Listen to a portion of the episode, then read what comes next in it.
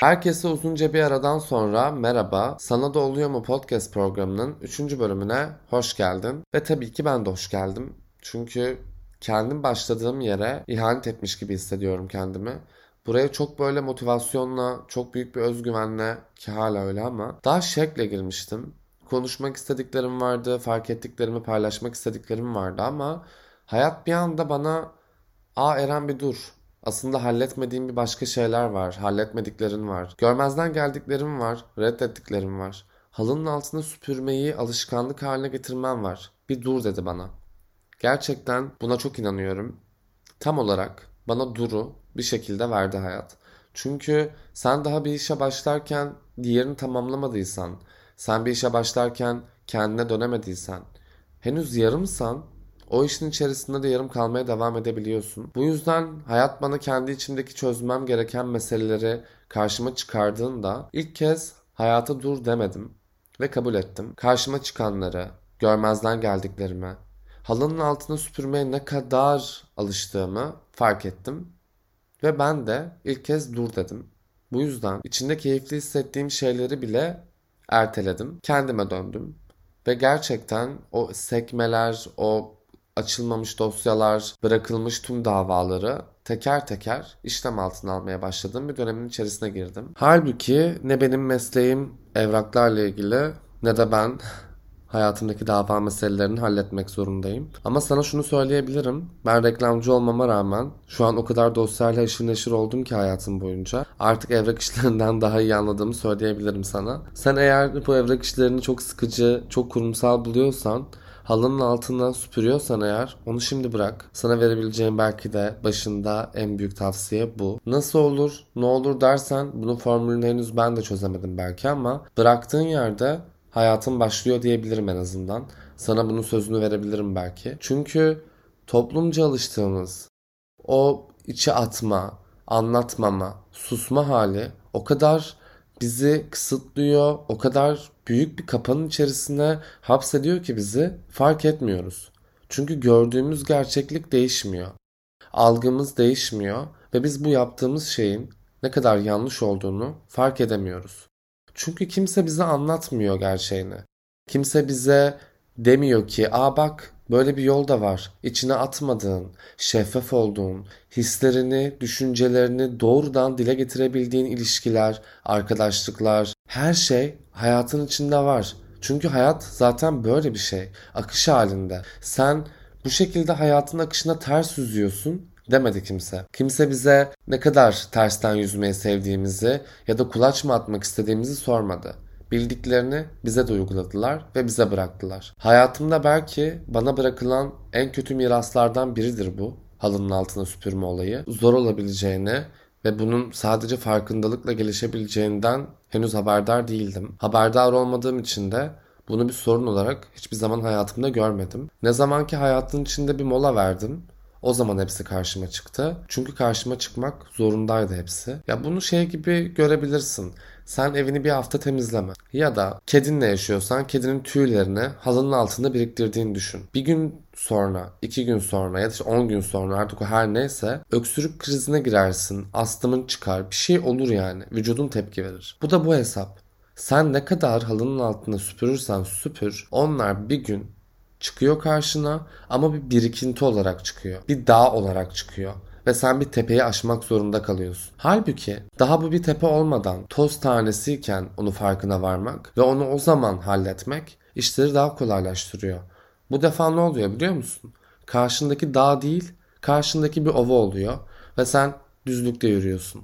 Bu daha kolay. Çünkü sen düzlükte yürürken yanındakileri görebiliyorsun. Yanında yürüyenleri, yanında koşanları, yanındaki çiçeği, akarsuyu, böceği, artık her nerede yürüyorsan işte kahveciyi, her şeyi görebiliyorsun. Her şeyin farkında olarak yürüyorsun. Ama sen bir dağın eteğindeysen henüz ve oraya çıkmaya çalışıyorsan sadece ve sadece o zirvedeki meyveye, o zirvedeki ulaşmak istediğin hedefe ulaşmak için yanındakileri, sağındakileri, solundakileri, arkandakileri kimseyi göremiyorsun. Çünkü sadece ve sadece hedefe odaklı yaşıyorsun. Sadece sana verilenlerle besleniyorsun. Senin beslendiğin bir alan kalmıyor artık. Çünkü sen körleşiyorsun. Bu kimi zaman bir ilişkinin içinde oluyor. Kimi zaman ailenin içinde oluyor. Kimi zaman iş hayatında oluyor.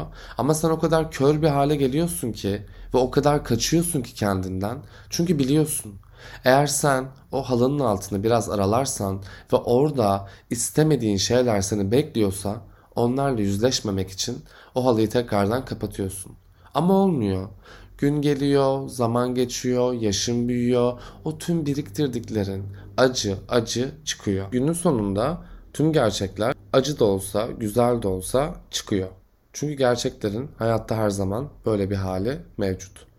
Çıkıyor, çıkmaya devam edecek. Sadece biz ne kadar gerçeklere dönük yaşarsak ve ne kadar halının altında bir canavar yaratmazsak kendimize o kadar az korkuyla, o kadar büyük bir özgüvenle yaşarız gibi düşünüyorum. Bunu sadece sen yapmıyorsun.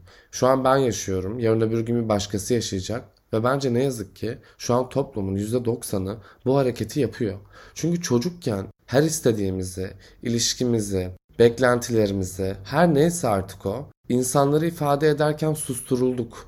Ya da sus bakayım, misafirlerin yanında öyle konuşulmaz, yapma bakayım, o yapılmaz, onu söyleme bakayım hmm, gibi sürekli bir el hareketiyle kontrol edildiğimiz için ya da bir çoğunluğu bu şekilde olduğu için ne yazık ki insanlığın susmak, kabul etmek, sineye çekmek daha kolay geliyor insanlara.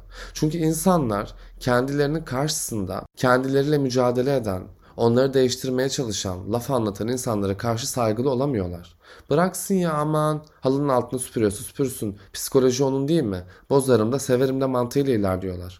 Yani kendi bencilliklerini sizin üzerinizden telafi etmeye çalışıyorlar. Bu yer yer bir vicdan mastürbasyonu, yer yerde duygusal bir manipülasyon dönebiliyor ne yazık ki. Konu zaten burada başlıyor. Biz içimizi atarak hiçbirimizde iyilik yapmıyoruz. O karşıdaki insana da iyilik yapmıyoruz, kendimize de iyilik yapmıyoruz. Halının altına süpürerek hiçbir olayı çözmüyoruz. Hepimiz sanki böyle travmalarımızı pamuklara sarmalarcasına Onlarla yüzleşmektense onları böyle bir beşikte sallaya sallaya uyutuyoruz. Ama onlar uyanacak. Her çocuk dünyaya geldiğinde nasıl büyüyorsa sahiplendiğimiz travmalarımızla içimize attığımızda daha fazla büyüyor. Daha fazla dallanıp budaklanıyor. Oysa başta söylediğim gibi dallanıp budaklanmasında içimizde kök salmasına gerek yok. Biz bir ağaç değiliz. Ağacı anlayabiliriz, ağacı sarılabiliriz ama onun gibi kök salmak zorunda değiliz. Nerede kök salmak istiyorsak orada olmamız, orada çiçek açmamız ve orada meyve vermemiz gerekiyor. Çünkü bizim bulunduğumuz toprak verimli değilse bizim ürettiğimiz fikirlerimiz, zihnimizden akan kelimeler, dışa vurduğumuz cümleler, tavırlar da o kadar sağlıksız oluyor. Ben bugün hayatımda bunu belki zor da olsa deneyimlediğim için Belki sana da iyi olabilmesi adına bunu anlatmak istedim.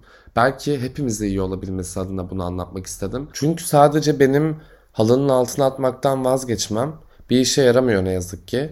Bunu herkesin yavaş yavaş bırakması ancak insan ilişkilerinde bazı sorunların, temeldeki o sorunların çözülebilmesinde etkili olabiliyor. Bu yüzden bugün benim bunu bırakmaya yeltenmem umarım senin hayatında bir sayfa açar ve bunun farkındaysan sen de bir kendinle yüzleşip hayatın sana o dur dediği noktada durman gerektiğini görürsün ve bu yolda ilerlersin. Bu bölüm biraz sakin, biraz durağan geçti. Çünkü tam olarak öyle bir dönemimdeyim diyebilirim. Bu sebepten beni dinlediğin ve bu bölümü benimle paylaştığın için çok teşekkür ederim. Diğer bölümde bu sefer uzun bir ara olmaksızın görüşmek üzere. Hoşça kal, sevgiyle kal.